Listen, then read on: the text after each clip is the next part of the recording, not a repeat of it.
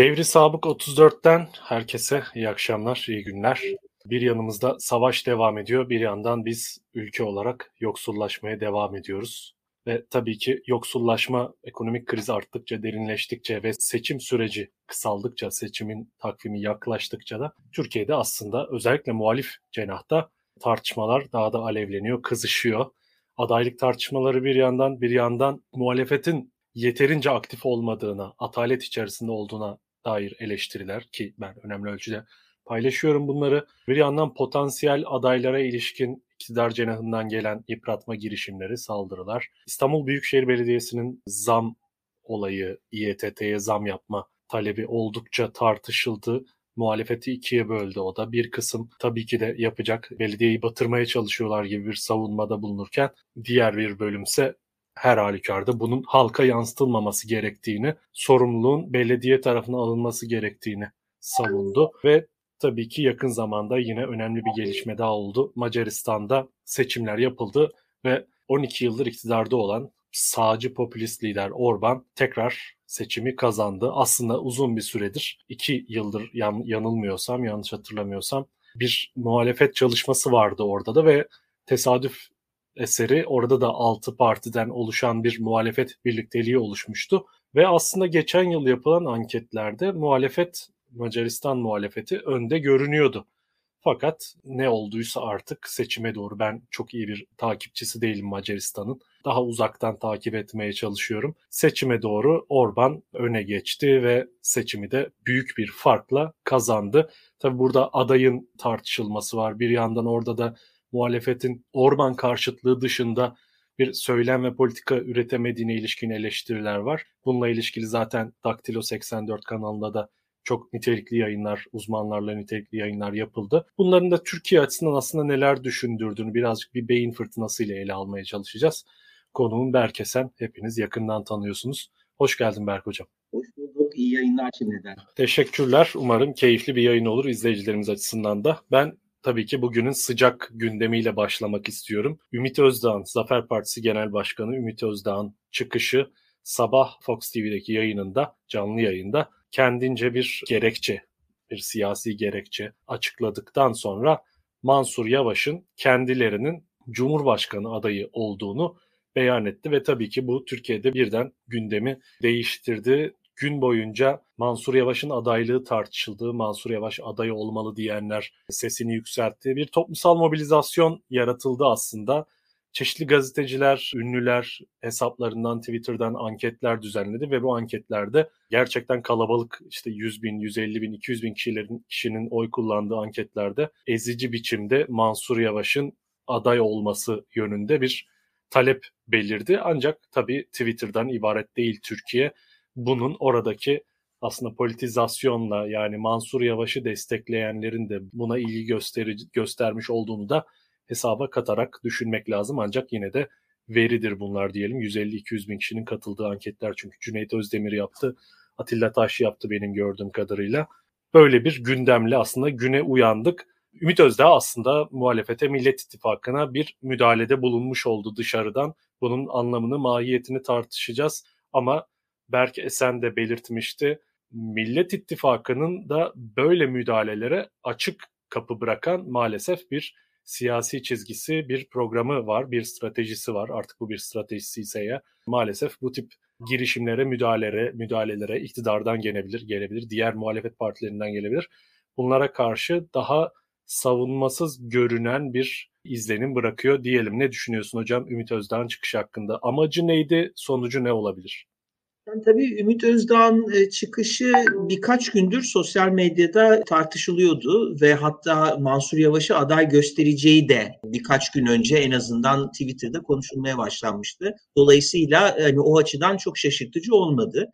Yani bu konuda ben birkaç yorum yapabilirim. Öncelikle yani tabii Ümit Özdağ'ın başka bir partinin, yani bir siyasi partinin genel başkanı yeni kurulmuş bir siyasi partinin genel başkanı ve yani anketlerde şu an yüzde bir bile oy almıyor. Şimdi böyle bir partinin genel başkanının e, çıkıp başka bir partiden belediye başkanı olan bir ismi Cumhurbaşkanlığına aday göstermesi tabii siyaseten çok nezaketli bir tavır değil. Açıkçası samimi bir tavır da değil. Yani ben gerçekten Ümit Özdağ'ın Mansur Yavaş'ın adaylığını desteklediğini de düşünmüyorum. Burada bir e, taktiksel bir e, hamle yapmış olduğu gözüküyor. Tabii Mansur Yavaş'ın ülkücü kökenli olması, hatta İyi Parti'ye yani şu anki belediye başkanları içinde İyi Parti'ye belki de en yakın isim olması ve o yönüyle Meral Akşener'in belki bir noktada aday olarak düşünebileceği bir isim olması veya güçlü bir aday olması nedeniyle yani burada bir biraz onun önünü kesecek, onun adaylığını tartıştırarak e, muhalefet cephesi içinde bir ayrılık e, yaratmış oluyor. Çünkü tabii ki ortada Kemal Kılıçdaroğlu'nun da adaylığı tabii konuşuluyor. İstanbul Büyükşehir Belediye Başkanı Ekrem İmamoğlu var.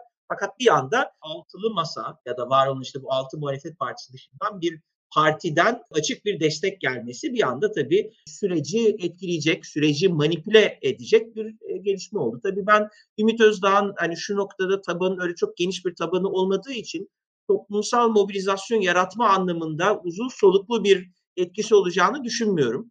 E, Mansur Yavaş'ın adaylığının önünü kapatıp kapatmadığı da bence şu noktada belirsiz. E, eğer ki Mansur Yavaş'la Ümit Özdağ'ın bir bağlantısı ortaya çıkarsa, yani bu kamuoyunda bilmesine gerek yok ama siyasi elitler eğer böyle bir bağlantıyı fark ederlerse o zaman büyük bir ihtimalle evet önünü kesmiş olur. Ama gördüğüm kadarıyla böyle bir bağlantı yok. Zaten siyaseten Mansur Yavaş açısından hiçbir mantığı yok. Ümit Özdağ üstünden böyle bir kitaba içine girmesini ve zaten dün akşam itibariyle Ankara Büyükşehir Belediyesi sözcüsü de böyle bir adalet girişimiyle alakalarının olmadığını ve Mansur Bey'in belediye başkanlığı yapmayı sürdürdüğü açıklaması yapıldı. Dolayısıyla illa önünü kesecektir yorumlarına katılmıyorum. Açıkçası benim ilginç bulduğum aslında ben Muharrem İnce'den böyle bir hamle bekliyordum. Yani mesela Muharrem İnce'nin Kemal Kılıçdaroğlu'nu eleştirip Ekrem İmamoğlu'nun en doğru aday olduğunu söylemesi ve böyle bir çıkış yapması aslında siyaseten Muharrem İnce açısından çok mantıklı bir hamle olurdu. Çünkü Ümit Özdağ'ın yani İyi Parti ana muhalefet partisi olmadığı için büyük bir ihtimalle aday da İyi Parti içinden çıkmayacak. Dolayısıyla o süreci sabote etmesi daha zor. Ama Cumhuriyet Halk Partisi içinde benzer bir hamle yapmak için bence daha uygun bir koşullar vardı. Muharrem İnce en azından şimdilik böyle bir hamle yapmamış gözüküyor. Fakat işte sen de biraz önce paylaştın. Yani ne yazık ki muhalefet partileri özellikle CHP ve İyi Parti şu noktaya kadar adaylık konusunu kendi içlerinde tartışmadıkları için, aday belirleme sürecini şeffaf bir şekilde yürütmedikleri için ve aday belirleyecek adres olarak sadece altılı masayı gösterdikleri için bu tarz dışarıdan etkilere ve manipülasyonlara da kendilerini e, açık bıraktılar. Yani ne yazık ki Cumhurbaşkanlığı adaylığı gibi hele de böyle kritik bir seçimde Cumhurbaşkanlığı adaylığı gibi çok önemli bir konuda seçimlere yani yaklaşık bir sene varken hala bizim bir fikrimizin olmaması, adayın kim olacağını geçtim, adayın nasıl belirleneceğini bile bilmememiz. Yani anketlere bir bakılacak. Ön seçim zaten yapmayacaklarını söylüyorlar ama partiler kendi örgütlerine mi soracaklar? Yoksa gerçekten altılı masada liderler arası bir pazarlıkla mı belirlenecek?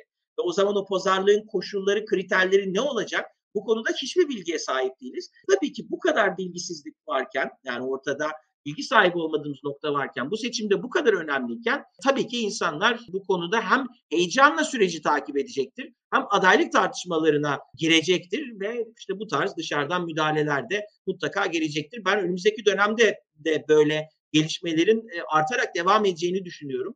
Dolayısıyla artık kısa bir süre içinde mutlaka altılı masanın kendi içinde bir kez adayı nasıl belirleyeceğini kamuoyuyla paylaşması lazım. Ve artık yavaş yavaş adayları elemek yerine var olan adaylar arasında belki hepsinin önünü açıp bir çeşit adı konmamış bir kampanya yapmalarına olanak sağlamaları gerekiyor ki artık yaz aylarının sonu itibariyle en geç olarak bir ortada bir e, aday çıkmış olsun. Aslında seçime ne kadar süre kaldığı konusunda da net bir öngörümüz yok neticede ortada. Bir erken seçim yapılacak mı yapılmayacak mı buna ilişkin çeşitli tahminler var ama net bir takvim yok önümüzde ve zamanında yapıldığını düşünsek bile seçimin bir seneden biraz fazla yani yaklaşık bir yıllık bir zaman kaldı ve bir yıl aslında altı partinin bir arada artık yeni söylemler seçmeni seçmeni mobilize edecek, kazanmak istediği seçmen kesimlerini kazanacak söylemler üretip, politikalar üretip, adayını ve mümkünse hatta kabinesini, aday yardımcılarını tanıtıp sahada onların toplumla kaynaşmasını sağlayacak bir süre olarak aslında oldukça kısıtlı bir süre bu.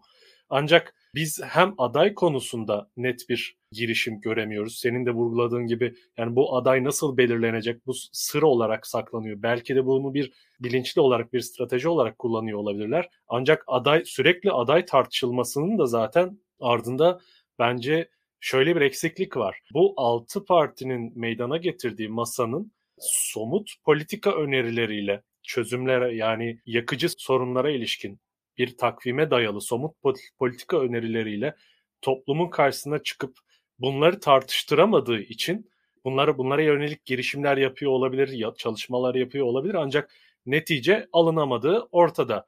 Toplumun gündemini şu an kendi çözümleriyle meşgul edemiyor. Dikkati kendi politikalarına, iktidara geldikten sonra neler yapacağına, nasıl mevcut durumu tersine çevireceğine ilişkin net beyanatlar, ikna edici beyanatlar veremiyor. Akılda kalıcı siyaset ve söylemler üretemiyor. Ve tam da bu nedenle biz sürekli aday konusunda tartışmak durumunda kalıyoruz. Adayın etrafında manipüle ediliyor aslında muhalif seçmende. Kolay senin de vurguladığın gibi yüzde bir alıp almayacağı bile şüpheli olan bir yeni kurulmuş bir partinin genel başkanı bir açıklama yapıyor ve şu an bütün aslında muhalif cenah içerisinde yeniden bir adaylık tartışması başlamış oluyor. Kuvvetle muhtemel ki kulislerde de 6 partinin yöneticileri, kurmayları arasında da buna ilişkin tartışmalar, bilgi alışverişleri yapılıyor, yapılmaya devam ediliyor. Fakat sorun da bu tam olarak aslında şu an süreç bir kulis pazarlığı, bir elit pazarlığı, elitler arası anlaşmalar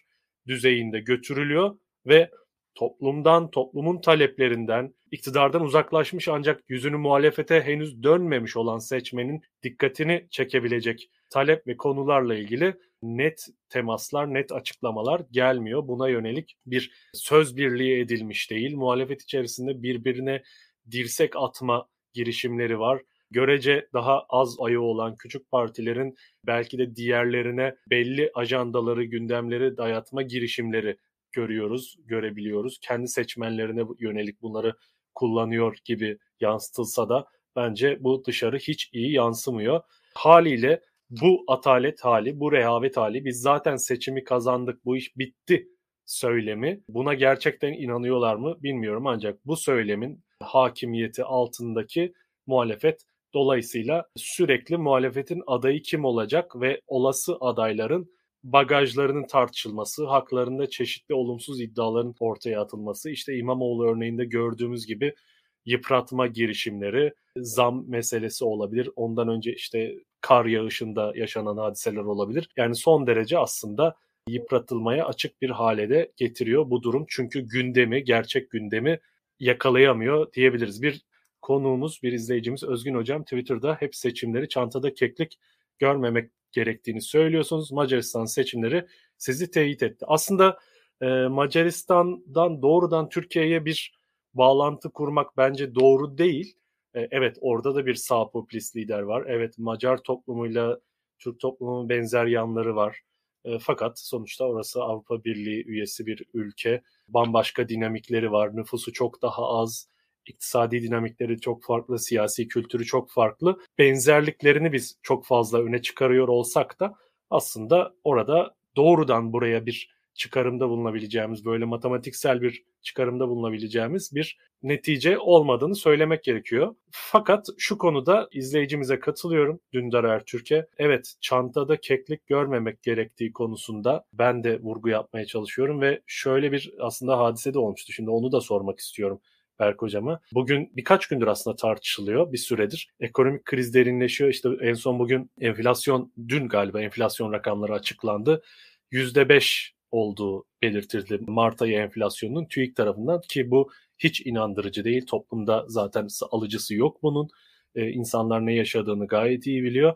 Fakat bu infial karşısında şunlar tekrar gündeme geldi. Bir miting serisi başlatılacaktı. CHP Mersin'de bir yola çıktı. Erken seçime kadar bir şeye başlıyoruz. İşte bir mitingler serisine başlıyoruz. Seçime kadar bu iş devam edecek gibi bir kalkışmaya girişiliyor gibi bir siyasi hamle yapılıyor gibi bir imaj verildi. Mitingden sonra devam gelmedi ve bu çok da tartışıldı. Aslında ben o mitingin de hiç öyle bir erken seçim mesajı basınç, iktidara yönelik bir basınç niyeti en azından gösteremediğini, ortaya koyamadığını düşünüyordum. Bunu dile de getirdim. Twitter'da, çeşitli mecralarda bunu dile de getirdim. Hatta bundan ötürü de linç yemiştim yine. Zaten Berk, Berk hocamla biz periyodik olarak linç yiyoruz. Bizim böyle şeylerimiz var. Gündelik rutinlerimiz var. Yine muhalefeti kötülüyorum, kötülediğim iddiasıyla böyle bir linç yemiştim. Fakat netice itibariyle bunun aslında arkasının gelmemesiyle de o öngörünün teyit edilmiş olduğunu görmüş olduk. Bu muhalefete yönelik eleştiriler giderek kızışıyor. Berk Hocam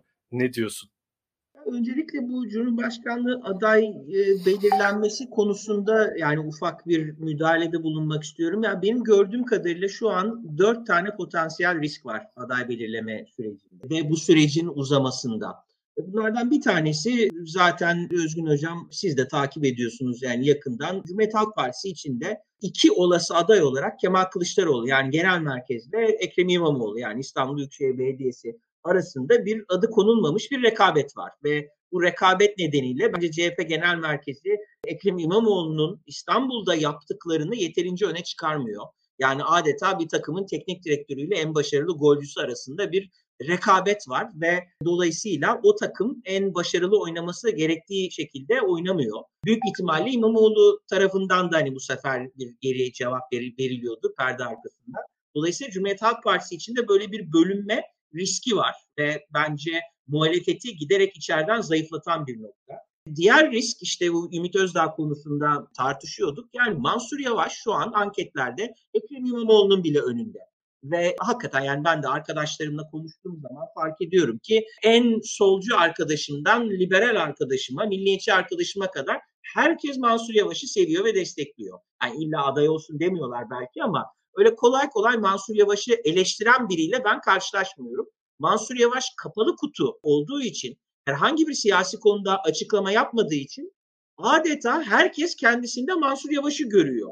Ama tabii bir tane Mansur Yavaş var ve bir insan hele Türkiye gibi kutuplaşmış bir toplumda bu kadar farklı ve zaman zaman birbiriyle çatışan grubu birleştirmesi kolay da bir şey değil. Şu ana kadar bunu yapabildi çünkü özellikle de çok popüler bir İstanbul Belediye Başkanı olduğu için siyasi konularda hiç açıklama yapmadı ki zaten Mansur Yavaş'ın genel olarak tarzı bu.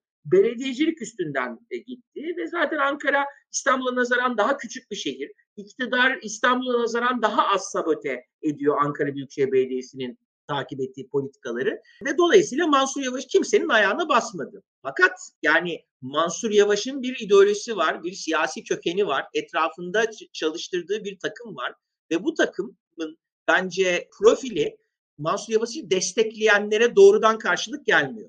Şimdi bu şöyle bir risk yaratıyor. Eğer Mansur Yavaş aday gösterilirse ve mesela Macaristan örneği verildiği zaman evet benzerlikler var, farklılıklar var ama mesela benzer olabilecek bir nokta Macaristan'da aslında ön seçim yapıldı ve ön seçimin ilk turunda üçüncü sırada yer alan küçük bir şehrin muhafazakar belediye başkanı aday olarak gösterildi. Çünkü hem solculardan hem sağcılardan oy alabilir, Fidesz'in tabanına da ulaşabilir diye.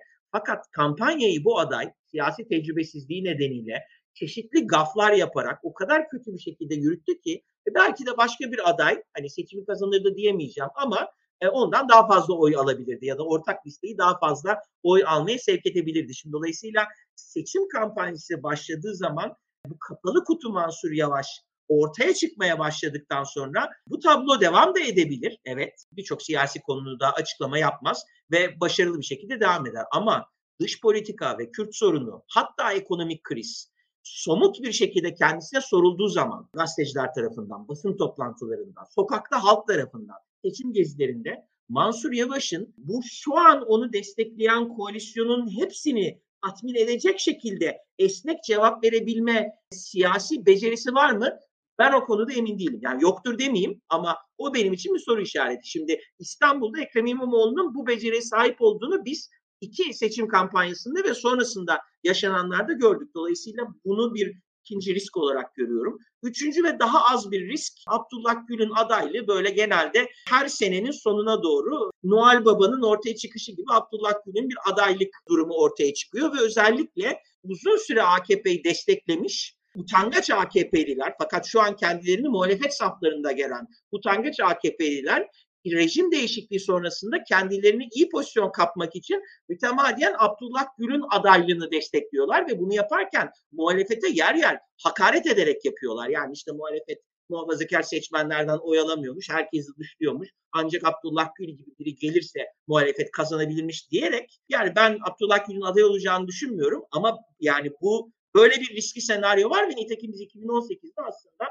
Meral Akşener bu seçeneğin önüne geçmeseydi bu riskli senaryonun gerçekleşeceğini görecektik. Dördüncü ve belki daha da düşük bir ihtimal ama bu da bir risk. Olur da eğer bu adaylardan hiçbiri gündeme gelmezse ya da hiçbir aday yapılmazsa büyük ihtimalle kamuoyunun o kadar tanımadığı, işte 2014'te gördüğümüz gibi dışarıdan bir siyasetçi aday gösterilecek. O zaman da otoriter bir ülkede tanınırlılık oranı düşük bir adayın kısa süre içinde bütün ülke genelinde tanınacak şekilde bir kampanya yapması çok zor olacak. Dolayısıyla böyle bir risk çıkacak. Yani ben kim aday gösterilirse gösterilsin muhalefetin bazı açmazları olduğunu düşünüyorum. Ve her aday yani bugün hani bu programda illa tartışmak zorunda değiliz ama hani bu isimlerden kimi tartışırsak tartışalım onlar lehine söyleyebileceğim şeyler var. Onlar aleyhine söyleyebileceğim şeyler var.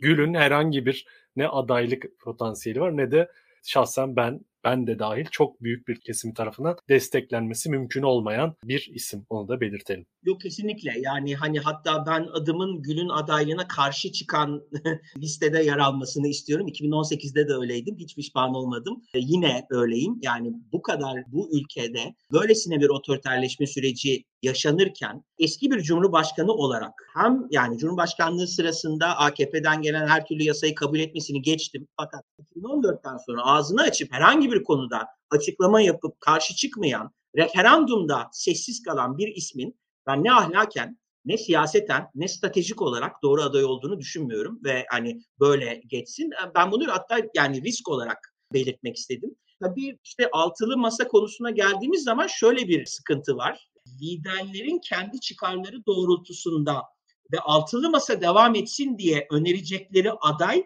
illa seçim kazanabilecek bir aday olmayabilir. İstemedikleri bir aday da seçim kazanayım. Yani ikili bir şu an oyun oynanıyor. Hani hem masadan çıkmanız gerekiyor hem seçimi kazanmanız gerekiyor aynı anda ikisini de yapabilecek bir aday çıkabilmiş mi emin değilim. Yani zaten o nedenle bir türlü bir aday öne çıkmıyor. Şimdi bunun ötesinde Özgür Hocam yani sizin sorunuzun ilk kısmına dönecek olursam yani tabii bunu biraz aslında Macaristan'da da gördük. Farklı siyasi görüşlere sahip olan siyasi partilerin bir araya gelip hele de rejim değiştirmek için yani bir araya gelip kampanya yürütmesi kolay bir iş değil. Dolayısıyla muhalefetin hakkını da yemek istemiyorum. Bence bir uzlaşı kültürünü oluşturma anlamında 2017 kampanyasından beri e, Millet İttifakı'nı oluşturan partiler, şimdi yavaş yavaş Deva ve Gelecek Partisi de katılıyor gibi gözüküyor. Bence önemli adımlar attılar. Yani ben mesela 28 Şubat'ta ilan edilen dokümanı çok e, önemsiyorum. Fakat tabii Macaristan'dan farklı olarak Türkiye'de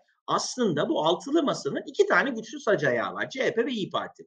Yani bu iki parti dışında kalan dört partinin oy oranları yüzde biri daha iki ile geçiyor.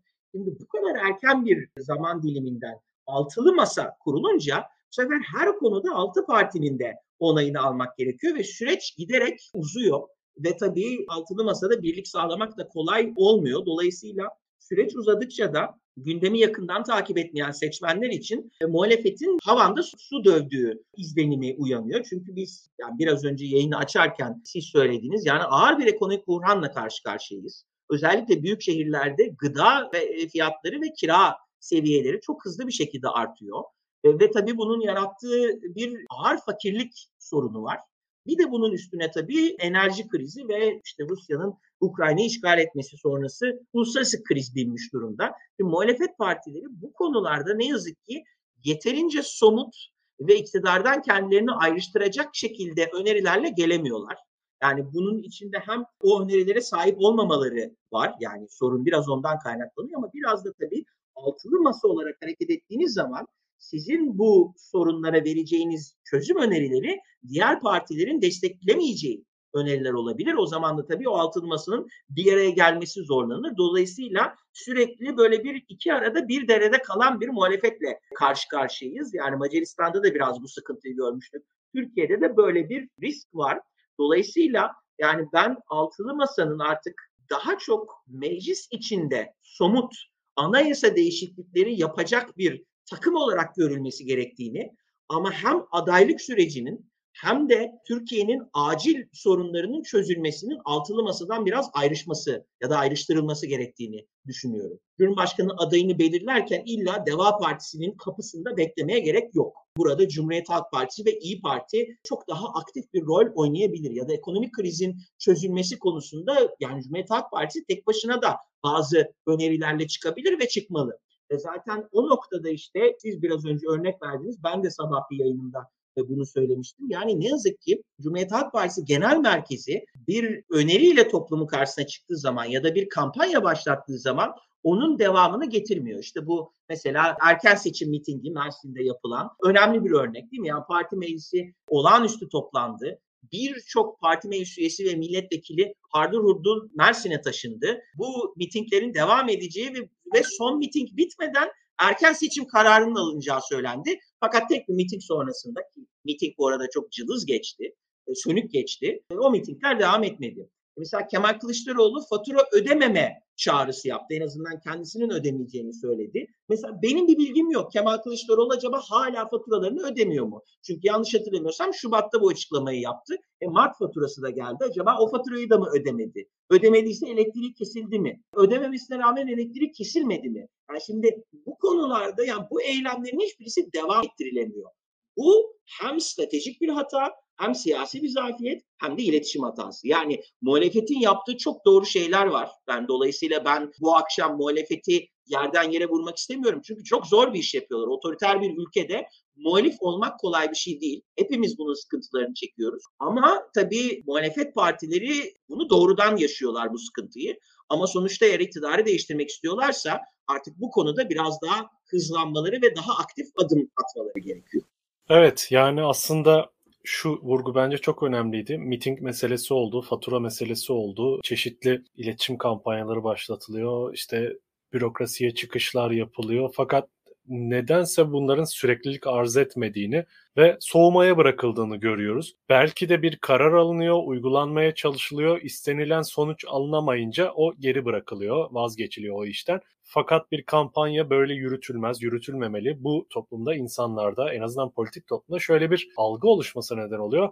Demek ki muhalefetin somut, dört başı mamur, başı sonu belli olan, nereye gittiği belli olan bir aslında seçim stratejisi yok. Belki ana hatlarıyla belli kararlar, tutumlar alınmıştır. İşte adaylıkla ilgili adaylığın nasıl açıklanacağı, ne zaman açıklanacağı ile ilgili belki kulislerdeki görüşmelerle bu tarz mutabakatlar yapılmış olabilir. Ancak seçim kampanyasının, seçim stratejisinin nasıl yürütüleceği, hangi araçlara odaklanılacağı, hangi yöntemlere, hangi söylemlere odaklanılacağı konusunda net bir karar alınmadığı anlaşılıyor bu deneme yanılma süreçlerin neticesinde. Tam da bu nedenle zaten hem kendi tabanını mobilize etmekte ve onları heyecanlandırıp güçlü bir kamuoyu desteği oluşturmakta zorlanıyor muhalefet hem de olası potansiyel kazanabileceği seçmeni kazanmaktan güçlü ve kararlı bir görüntü veremediği için bunları kazanmaktan maalesef yoksun kalıyor, mahrum kalıyor diyebiliriz. Yani evet burada bir muhalefeti yerden yere vurma yayını yapmak istemiyoruz ancak süreç daralıyor ve gerçekten toplumsal talepler, toplumsal baskı giderek artıyor. Bunun karşısında muhalefet içerisinde tabanda da çatlaklar ve çatışmalar derinleşmeye başlıyor. Büyük bir ortak bir hedef etrafında insanlar harekete geçirilemediği için bu atalet, bu rehavet hali nedeniyle hep vurguluyorum. Yayının başında da aslında söylemiştik. Bir kazandık bitti gitti algısı var maalesef. Benzerlikleri farklılıkları ayrı tartışılır ancak Macaristan meselesi bence önemli dersler taşıyor. Hem bizim açımızdan hem de dünyadaki diğer popülist otoriter iktidarlarla mücadele eden muhalefet hareketleri açısından. Neden bunu vurguluyorum? Dediğim gibi bu muhalefet ittifakı, Macaristan'daki ittifak aslında birkaç ay öncesine kadar iddialı bir görüntü veriyordu ve Orban'ın önünde çıkıyordu anketlerde tıpkı bizdeki gibi ve bu fark %10'luk 15'lik falan çok büyük farklar değildi. Anket ortalamalarına göre %2-3 puan önündeydi Orban'ın muhalefet ittifakı ve o dönemde aslında tartışılan aday belediye başkanı olmuş.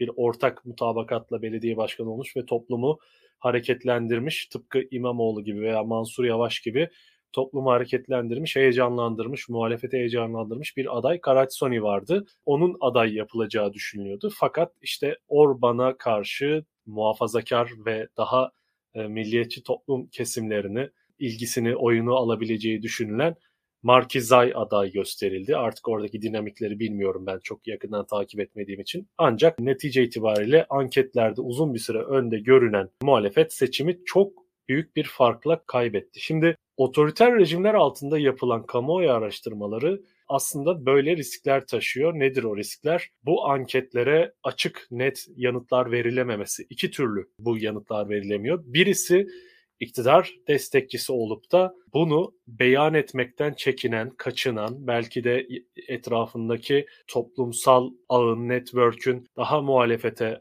yakın olan veya iktidara tepkili olan insanlardan oluşması nedeniyle kendi mahallesinin baskısı nedeniyle belki de aslında bunu beyan etmekten çekiniyor veya oy vermeyeceğim diyor veya kararsızım diyor ancak sandığa gittiğinde yine iktidardan yana tercihini kullanabiliyor.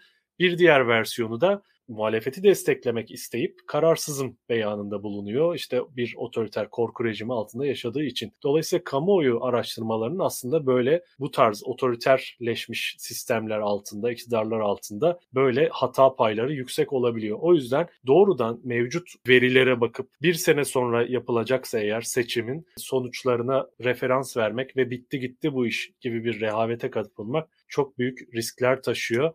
Nedir o riskler? Daha önce de belirtmiştik zannedersem. Başkanlığı belki alabilirsiniz bir ihtimal. Fakat meclis çoğunluğunu almanız şu an muhalefetin sahip olduğu en azından o anketlerdeki işaretlere bakacak olursak, onları doğru kabul edecek olursak muhalefetin meclis çoğunluğunu almasının zor olduğu görünüyor mev- mevcut statiko devam ederse. Dolayısıyla bunu kıracak, bu yerinde sayma halini, çemberi kırıp bunun dışına çıkabilecek bir hamleye ihtiyaç. Hamleler zincirine ihtiyaç var. O bir enerjiye kazanıp harekete geçirip bu muhalefet arabasını yavaşlamasını engelleyerek hedefe hızla ilerlemesini sağlayacak ve rakibinizin hazırlık yapmasına imkan vermeden, onun kendini yeniden tahkim etmesine imkan, imkan vermeden hızlı arka arkaya hamlelerle gündemi manipüle etmeniz gerekiyor aslında. Bunu bir süre yapmıştı muhalefet. Sonbahar aylarında 1-2 aylık bir süreçte özellikle işte bu Sedat Peker olayının doğurduğu siyasi krizden de faydalanarak muhalefet doğru hamlelerle, arka arkaya hamlelerle gündem belirleme ve psikolojik üstünlüğü ele geçirmiş görünüyordu. Fakat yavaş yavaş bu üstünlüğü zaman içerisinde tekrar kaybetmiş görünüyor. Şu an kendi içerisindeki çatışmalara, tartışmalara gömülmüş durumda. İşin bu boyutu var. Berk Hocam senin Macaristan'la ilgili de ve Türkiye'den Türkiye için çıkarılabilecek derslerle ilgili düşüncelerini merak ediyorum. Fakat şunu söylemek istiyorum. Amacı neydi, sonucu ne olacak bunlar tartışılır. Ancak Mansur Yavaş aday gösterilse de Ümit Özdağ kazandı. Mansur Yavaş aday gösterilmese de Ümit Özdağ bu işten yine kazançlı çıkacak diye düşünüyorum. Çünkü aday gösterilirse zaten orada aday belirleme sürecinde nüfuz edebilecek bir iktidar sahibi olarak görünecek. Aday gösterilmezse de Mansur Yavaş'ın aday gösterilmemesi nedeniyle tepki duyan bir kısım milliyetçi seçmen belki de Ümit Özdağ'a yönelme eğilimi gösterebilecektir diye düşünüyorum. O yüzden bu kendisi adına akıllıca bir satranç hamlesiydi. Doğru bir satranç hamlesiydi ama Türkiye'nin yararına mı olacak? Ben bundan şüpheliyim.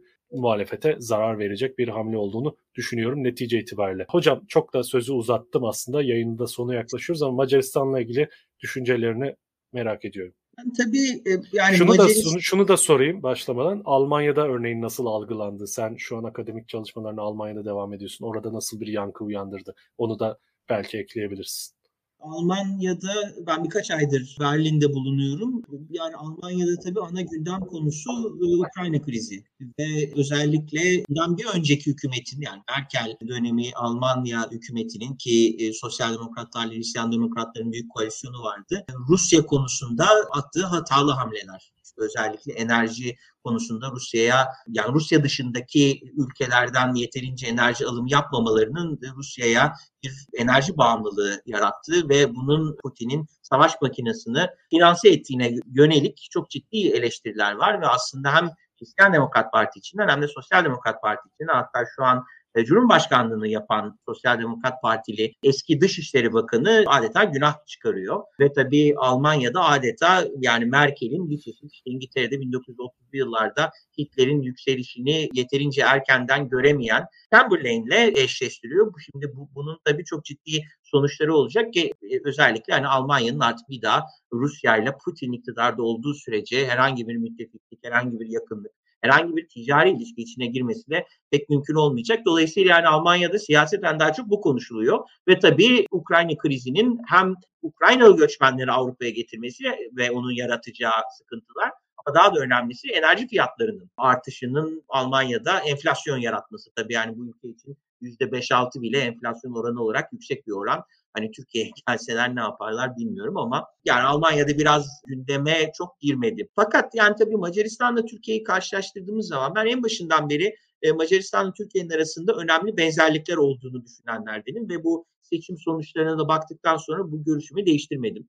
Yani iki ülkede Avrupa'nın çeperinde yer alan sağ popülist bir partinin serbest ve adil seçimlerle iktidara gelip iktidara geldikten sonra demokratik kurumların içini boşaltarak giderek çoğunlukçu bir yönetim inşa ettiği ve o çoğunlukçu idare üstünden ülkeyi giderek otoriterleştirdiği iki vaka ya da iki ülke.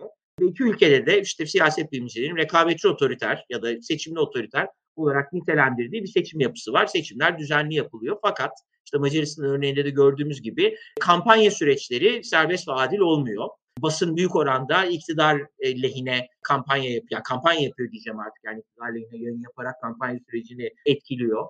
E, muhalefete hiçbir şekilde televizyonlara çıkma hakkı verilmiyor. Seçim sistemi iktidarın işine gelecek şekilde değiştirilmiş durumda. Tabii kamu kaynakları Macaristan'da da hükümet tarafından çok hatta belki Türkiye'de olduğundan daha da aşırı bir şekilde partizan yöntemlerle dağıtıldığı için aslında yani bizim Macaristan seçim sonuçlarından çıkarmamız gereken bence en önemli ders bu tarz rejimlerde iktidarı değiştirmek hiç de kolay değil. Hani biraz önce sizin söylediğiniz o rehavete kapıl, kapılmama gibi bir ders de tabii bize çıkartıyor ama yani seçim sisteminin iktidar lehine olduğu, adil olmayan kampanya koşullarının yaşandığı bir ülkede muhalefetin ancak ekstrem bir durum olursa seçim kazanabileceğini e, görüyoruz ve Macaristan'da da tabii bu olmadı. Çünkü Macar ekonomisi pandemi döneminde aslında çok da kötü olmayan bir seviyedeydi ve Viktor Orban kendisine bağımlı kıldığı sosyal yardımlar üstünden iş imkanı yaratarak, kamu harcamaları yaparak özellikle kırsal bölgelerde ve kasabalarda yaşayan, eğitim seviyesi yüksek olmayan Macar seçmenleri kendisine bağımlı kıldığı için pandemi döneminde bu bağımlılık daha da arttı. Ve tabii ağır bir ekonomik krizden de geçmeyen bir ülke olarak aslında hani belki bizde aslında 2018 seçimlerini andıran şekilde bir tablo vardı. Muhalefet karşısında ciddi bir avantajı sahipti. Yani dolayısıyla belki de sonuçlarda Viktor Orban'ın kazanmasına bu kadar şaşırmamak gerekiyor ama en azından benim şaşırdığım yani Viktor Orban'ın kazanacağı artık hani son hafta biraz belli olmaya başlamıştı. Fakat Viktor Orban'ın parlamentoda 3'te 2 çoğunluğa sahip olacağını hiçbirimiz beklemiyorduk. En azından ben kendi adıma söyleyeyim beklemiyordum. Özellikle de ortak şey ortaya çıktıktan sonra. Dolayısıyla yani adayın yanlış olduğu, kampanyanın kötü yürütüldüğü gibi birçok neden burada sayabiliriz ama onlar olmasaydı da yani muhalefetin şu koşullarda seçimi kazanması çok da kolay olmayacaktı. Bunun çok çok temel bir sebebi var yani ve Türkiye'de olmayan bir durum bu. Tabii yani Türkiye ile karşılaştırılırken genelde şu unutuluyor. Viktor Orban, Recep Tayyip Erdoğan'ın hayal bile edemeyeceği kadar güce ulaşmış durumda. Yani belki orada bir parlamenter sistem var dolayısıyla Cumhurbaşkanlığı hükümet sisteminde olduğu kadar yetkileri sahip değil Viktor Orban. Fakat iktidara geldiği 2010 yılından beri parlamentonun üçte iki çoğunluğunu tek başına kontrol eden bir lider olarak zaten 2012'de seçim yasasını kendisine kendi lehine olacak şekilde değiştirmişti. Recep Tayyip Erdoğan'ın veya AKP'nin hiçbir zaman parlamentoda anayasayı değiştirecek kadar çoğunluğa sahip olduğunu görmedik. Ve işte birkaç gün önce Türkiye'de de seçim yasası değişti. O ancak MHP'nin desteğiyle oldu ve dolayısıyla MHP'nin çıkarları doğrultusunda gerçekleşti. E buradaki mesela çok temel bir fark Macaristan'da parlamentonun üçte ikisi dar bölgeli seçim sistemi tarafından belirleniyor ve o dar bölgenin sınırlarını Viktor Orban kendi partisinin lehine olacak şekilde çizmiş durumda. Yani orada zaten Viktor Orban'ın partisi yaklaşık 75 milletvekilliği fark attı. Farkın önemli bir bölümü nispi seçim sisteminin parlamentoda yani partilerin aldığı oy oranının iz düşümü olarak yansımasından kaynaklanmadı. Dar bölgelerde Viktor Orban'ın partisi neredeyse bütün ülke genelinde Budapeşte'yi ayırırsak seçimleri kazandı. Şimdi Türkiye'de tabii böyle bir tablo yok. Fakat çıkarmamız gereken ya da çıkarabileceğimiz ikinci örnek ki bunu aslında biraz önce kısaca değinmiştim. Kağıt üstünde en iyi gibi duran aday kampanya performansı kötüyse aslında doğru aday değil. Yani burada Mansur Yavaş'ta doğrudan bir benzerlik kurmak istemiyorum ama Macaristan'da ortak listenin aday gösterdiği isim bir parça Mansur Yavaş'ı andıran bir isim. Daha muhafazakar bir kökenden geliyor. Hem solcu hem sağcı seçmenlere hitap edeceği düşünüyor. Tabii Mansur Yavaş bence Macaristan'daki aday gösterilen kişi 50 bin kişilik bir küçük kasabanın belediye başkanıydı. Mansur Yavaş bir kez çok başarılı bir belediye başkanı. Nüfusu artık 6 milyonluk bir şehrin belediye başkanı ve bütün ülke genelinde zaten popülerliği var. Dolayısıyla Mansur Yavaş bence çok daha iyi bir aday olur. Ama Macaristan örneğinde gördüğümüz yani herhangi bir partinin güçlü bir şekilde desteklemediği bir aday hele de başarılı bir kampanya yürütmüyorsa o kampanyanın sonunu göremiyor. Ve işte kampanyasına e, diğer partilerden pek de öyle destek gelmedi. Dış politika konusunda ciddi gaflar yaptı. Ve aslında Viktor Orban çok da tecrübeli bir siyasetçi olarak onunla dalga geçti. Dolayısıyla yani hani bunu da düşünmemiz gerekiyor. İlla anketlerde birinci sırada yer alan bir aday olması gerekmiyor. Ama en azından hem popüler hem kampanya yürütebilecek bir adayı bizim Türkiye'de seçmemiz gerekiyor. Ortak liste konusunda bence şöyle bir ders çıkarılabilir. Macaristan'da Jobbik adlı hani burada bizim MHP'ye karşılık düşebilecek uç sağ bir parti aslında e, uzun süredir Viktor Orban'ın muhalefetiydi. Yani e, Viktor Orban'a karşı muhalefetteydi. Fakat tabii sol bir çizgide siyaset yapmıyordu ve sol partilerle de kavgalıydı. Fakat bu parti de ittifaka girdi. Dolayısıyla altılı masa orada belki Türkiye'de olduğundan da daha geniş bir ideolojik yelpazeye sahipti. Fakat işte biraz bu merkeze gelme politikası nedeniyle bu partinin de daha sağında yer alan bir uç sağ parti kuruldu ve bu parti seçimlerde yüzde altı oy alarak meclise girdi ve büyük ihtimalle Yobik'ten oy çaldı. Yani burada işte altılı masa kurulduktan sonra siyasi partilerin yani bir taraftan merkeze gelmeyi sürdürürken kendi tabanlarını da kaybetmemeleri gerekiyor. Şimdi bu nasıl yapılır? Yani ben siyaset bilimci olarak burada şöyle şöyle yapılır diye öneriler verebilirim ama siyaseten bunu sokakta yapmak çok zor bir iş. Ve yani hemen burada bir örnek vereceğim. Yani İyi Parti'nin yani ben İyi Parti'yi HDP konusunda açılım yapmadı diye eleştirmiyorum. Açıkçası İyi Parti'nin daha da merkeze gelerek HDP ile masaya oturması eğer İyi Parti'nin içinden birçok seçmeni başka bir sağ partiye yönlendirecekse mesela Ümit Özdağ Partisi'ne yönlendirecekse ya da Muharrem İnce'nin partisine yönlendirecekse o illa doğru seçenek olmayabilir. Yani dolayısıyla burada bir denge tutturmak gerekiyor.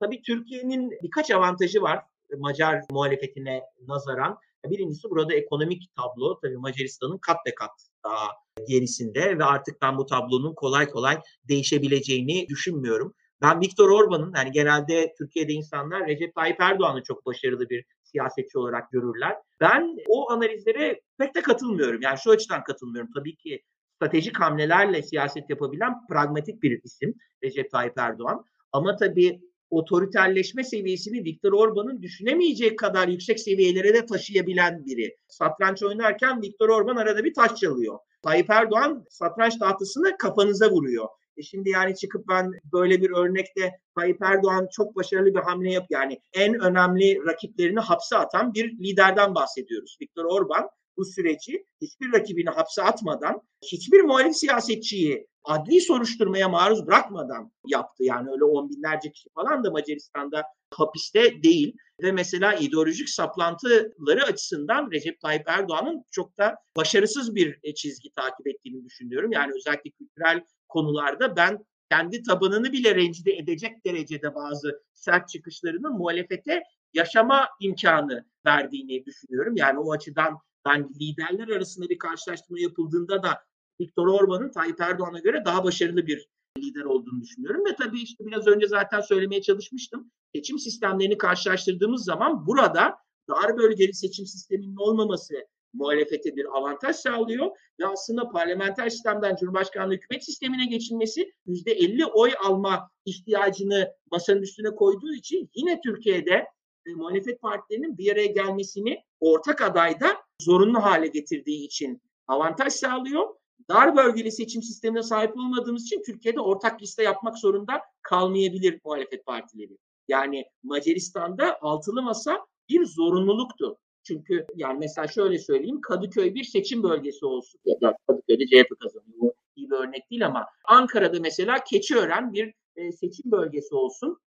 E, zaten milliyetçi seçmenlerin yoğun yaşadığı bir yer. E, oraya da CHP ve İyi Parti'nin ayrı ayrı gir, girmesi durumunda hiçbir şansları yok. Dolayısıyla bütün partiler Keçiören'de tek bir aday çıkarmak durumunda. Şimdi Macaristan'da böyle bir tablo vardı. Türkiye'de böyle bir tablo yok. Dolayısıyla ittifaklar içinde ama illa ortak bir listeye de gitmeden muhalefet burada süreci yürütebilir. Dolayısıyla bazı yani Türkiye'deki durumun Macaristan'a göre daha olumlu şartlar içerdiğini düşünüyorum. Ama almamız gereken bu tarz dersler var. Aday belirlenme süreci, adayın kim olduğu, kampanyada partiler arasında irtibatsızlık olmaması gerektiği, partilerin merkeze gelirken kendi ideolojik tabanlarını tamamen göz ardı etmemeleri gerektiği. Mesela e, çok lafı uzatmadan şöyle bir örnek vereyim. Mesela birkaç ay önce, unuttum tarihini herhalde bir buçuk ay önceydi. Tarikat evinde kalan genç bir üniversite öğrencisinin intiharından sonra Kemal Kılıçdaroğlu'nun sessiz kalması bu kadar aleni bir olay sonrasında e, CHP tabanından çok ciddi bir tepki çekti. E şimdi Kemal Kılıçdaroğlu'nun o olayda sessiz kalmasının nedeni büyük ihtimalle e, güçlenmiş parlamenter sistem müzakereleri devam ederken küçük muhafazakar partileri rencide etmemek. Ama rencide etmediği oyun belki 10 katını kendi aleyhine döndürmüş oldu. Şimdi ortak liste bu tarz vakaların sayısını arttıracaktır. Nitekim işte Kemal Kılıçdaroğlu'nun adaylığının bir türlü heyecan yaratmamasının da temel sebeplerinden biri biraz bu. Dolayısıyla zor bir sürece giriyor Türkiye. Sakin bir şekilde farklı senaryoları tartışmamız gerekiyor. Macaristan'dan, Venezuela'dan, Polonya'dan, Hindistan'dan çok farklı örneklerden ders çıkarmamız gerekiyor. Stratejik hamleler yaparak yürümemiz gerekiyor. Yani ben bu noktada muhalefete yönelik temkinli bir iyimserliğimi muhafaza ediyorum. Bence muhalefet önemli işler başardı. Yani öyle tamamlamış olayım sözlerimi. 2019 yerel seçimi bir şaheserdir. İleride derslerimizde okutacağımız kadar başarılı bir örnektir. Ama tabii yani şunu unutmayalım. Mesela son dönemde bu Kılıçdaroğlu doktrini olarak gündeme gelmeye başladı. Ve bir haklılık payı da var. Yani bir şekilde geniş bir ittifak kurmak, e, seçmenler nezdinde popüler adayları öne çıkarmak, kutuplaşma siyasetini aşmak. Ama Kılıçdaroğlu doktrinin en önemli maddelerinden biri oy pusulasında Kemal Kılıçdaroğlu'nun adının olmamasıydı. Cumhurbaşkanlığı seçimine girerken e, yani bunu da biraz aklımızda tutmamız gerekiyor. Çünkü ne Ankara'da ne İstanbul'da farklı adaylar gösterilseydi o seçim sonucu çıkmayabilirdi. Dolayısıyla son bir cümleyle e, tamamlayayım. Türkiye'de ne yazık ki siyasetçiler İngilizce kavramı kullanacağım. Kingmaker olmakla king olmayı karıştırıyorlar. Yani kralı belirleyecek kişi olmakla kralın kendisi olmak aynı şey değil. Ne yazık ki Türk siyasetinde ancak kralı belirleyecek popülariteye sahip olan insanlar kral olmaya çalışıyor ve işin sonunda kaybediyorlar. Bu sürece girerken ben kralı belirleyecek isimler olacağını, kral adayları olacağını düşünüyorum ama o ikisi farklı kategoriler. Evet Biraz toplumda yok çok iyi bence çok iyi bir tirattı diyebilirim. Çok kesintisiz ve çok iyi bir neden sonuç bağlantısıyla anlattın hocam. Ağzına sağlık. Yayının sonuna geldik. Ben de bir iki vurgu yapıp müsaadenizle yayını kapatmak istiyorum. Kingmaker vurgusu çok doğru bence. Kılıçdaroğlu'nun zaten adaylığına ilişkin ciddi bir infial de var toplumda. Bir kısım istiyor tabii ki yani bunu son derece olumlu buluyor. Türkiye'de belli siyasi kültürel gelenekleri değiştirebileceğine ilişkin beklentiler var. Haklı da bir beklenti. Yani ben şahsen Kılıçdaroğlu'nun iyi bir cumhurbaşkanı olacağını düşünüyorum. Fakat cumhurbaşkanlığını iyi yürütmek ile seçilmek yani şu koşullarda seçim kazanmak farklı zamanların, farklı koşulların olguları diyebiliriz. O yüzden ikisini birbirine karıştırmamak gerekiyor. İkincisi de Macaristan'daki iktisadi koşullar bizdeki kadar kötü değildi. Evet. Dolayısıyla şöyle yorumlar yapılabiliyor. Yani bizdeki iktisadi koşullar işte enflasyon, yoksullaşma, kur krizleri, kur atakları ekonomi yönetiminin belirsizliği, öngörüsüzlüğü ve akşamdan sabaha bir takım emtiaların birden ulaşılmaz bir hale gelme riskinin ortaya çıkması işte ayçiçek yağına birkaç hafta önce yaşanan hücum gibi. Böylesine bir belirsizleşme ve yoksullaşma süreci yaşanırken Türkiye'de şöyle düşünüyor. Ya Macaristan'da hiçbir zaman böyle şeyler yaşanmadı. Türkiye'de yaşanıyor. O yüzden Türkiye'deki tablo çok daha farklı olacak deniyor. Fakat şunu belirtmekte yarar var seçmenin tamamı krizi aynı şekilde deneyimlemiyor. Yani bu deneyimleme hem maddi koşullar itibariyle aynı şekilde deneyimlemiyor. Örneğin 10 birim geliri olan bir orta sınıf mensubu 5 birim yoksullaşırken 4 birim geliri olan daha yoksul kesimden birisi 1 birim yoksullaşıyor. Çünkü iktidar en yoksul kesimin daha kolay manipüle edilebileceğini, daha küçük teşviklerle mutlu edilebileceğini, anlamlı değişiklikler yaratılabileceğini gördüğü için esas olarak bu seçmene odaklanmış durumda zaten. Yoğun bir yoksullaşma yaşayan özellikle en fazla kaybeden kesimleri zaten gözden çıkarmış durumda. Çünkü eğitim itibariyle, kültür itibariyle, yaşayış tarzı itibariyle bu seçmenden oy beklemiyor. Dolayısıyla birincisi maddi olarak herkes krizi aynı şekilde deneyimlemiyor. Bir de üst sınıflar meselesi var. Ticaret yapanların bir kısmı, üreticilerin bir kısmı gerçekten krizlerden kazançlı çıkabiliyor. Kaldı ki bankalarda bir yıl içerisinde %300 küsürlük kar artışlarından bahsediliyor.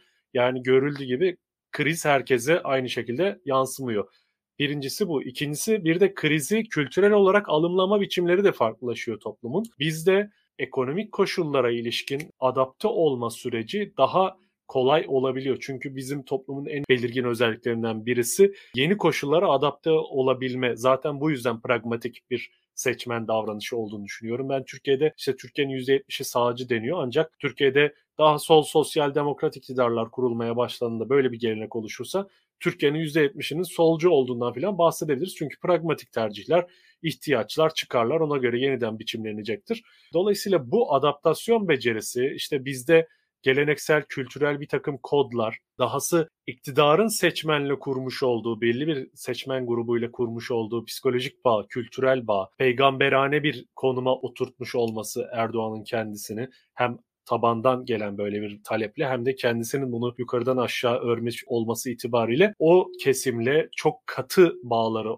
olması yani her ne olursa olsun Türkiye bir işgale dahi uğrasa ekonomik olarak çok daha kötü günler görsek dahi kaybetmeyeceği bir seçmen kesimi de var. Bunu da hesaba katmak gerekiyor. Dolayısıyla seçmen burada saydığım ve daha sayamadığım birçok faktöründe bir etkileşimiyle doğrudan bir aslında rasyonel tercihler yapan bir insan kümesi yok karşımızda. Hepimizde bir takım irrasyonel duygulanımlarla, duygularla hareket edebilen ve tercihlerini buna göre yapabilen varlıklarız. Ekonomik krizin, yoksullaşmanın doğrudan iktidar karşıtı sonuçlar üretmesi her zaman söz konusu olmayabiliyor. Bakın Türkiye'de bunu daha önce başka seçimlerde de deneyimledik. Aynı sonucu yani böyle bir matematiksel sonuç beklemek doğru değil ama şöyle bir vurgu yapmıştı bir yorumcumuz az önce izleyicimiz zannedersem Gürhan Çiftçi'ydi. Manisa Turgutlu'da geçinemeyen bir vatandaş kaymakamlık önünde kendisini yakmış. Aslında bu vakalar yaşanıyor. Hatta iktidar bunların duyurulmaması için talimatlar da veriyor kendi medya gücüne. Fakat buradaki sorun şu, muhalefet bunları yeterince işliyor mu? Hayır, işlemiyor. Toplumun özellikle odaklandığı mesele sorunu şu an yoksullaşması özellikle işte muhalefete oy verme potansiyeli olan veya oy verecek olan kesim açısından böyle. Yoksullaşma birinci gündemi fakat ben öyle sanıyorum ki muhalefetin etrafındaki kurmaylar yani en tepedeki kurmaylar ve danışmanlar içerisinde ekonominin değil de sistem tartışmasının gündemde önde tutulmasını talep eden bir konsensus, bir ağırlık var burada ki İbrahim Uslu aslında bunu bir yayında dile de getirmişti. CHP'nin danışmanlarından birisi olarak toplum sistem değişikliğini talep ediyor. Ekonomiyi konuşmak istemiyor gibi bir iddiada bulunmuştu ki benim deneyimimin, benim yaşam deneyimimin, bu ülkedeki deneyimimin tam aksini işaret eden bir durum. Maalesef bu tarz bence yanlış beklentiler de dolayısıyla bu beklentilere dayalı olarak yapılan yanlış planlar ve stratejiler de var diyelim ve bolca muhalefet eleştirdiğimiz yine 40 dakikada bitirmeyi hedefleyip bir saatte bitirebildiğimiz bir yayının sonuna geldik. Hem Berkesen hem ben maalesef bazen topu aldık mı e, pas atmayı bilmiyoruz. İkimiz de konuşmayı seviyoruz. Tirat atmayı seviyoruz diyelim. Umarım izleyenler keyif almıştır yayınımızdan. Eleştiriler umarım dikkate alınır. insanlar tarafından tartışılır. Biz de eleştirileri tabii ki bekliyoruz. Yorumu, yorumlarınızı, beğenileri ve tabii ki yayınımızı paylaşmayı ve Daktilo 84'e abone olmayı unutmayın diyorum. Verkesen çok teşekkürler. Ağzına sağlık hocam. Çok iyi, kaliteli bir yayın oldu bence. Umarım izleyenler ve izleyecek olanlar da keyif alacaktır. İyi akşamlar.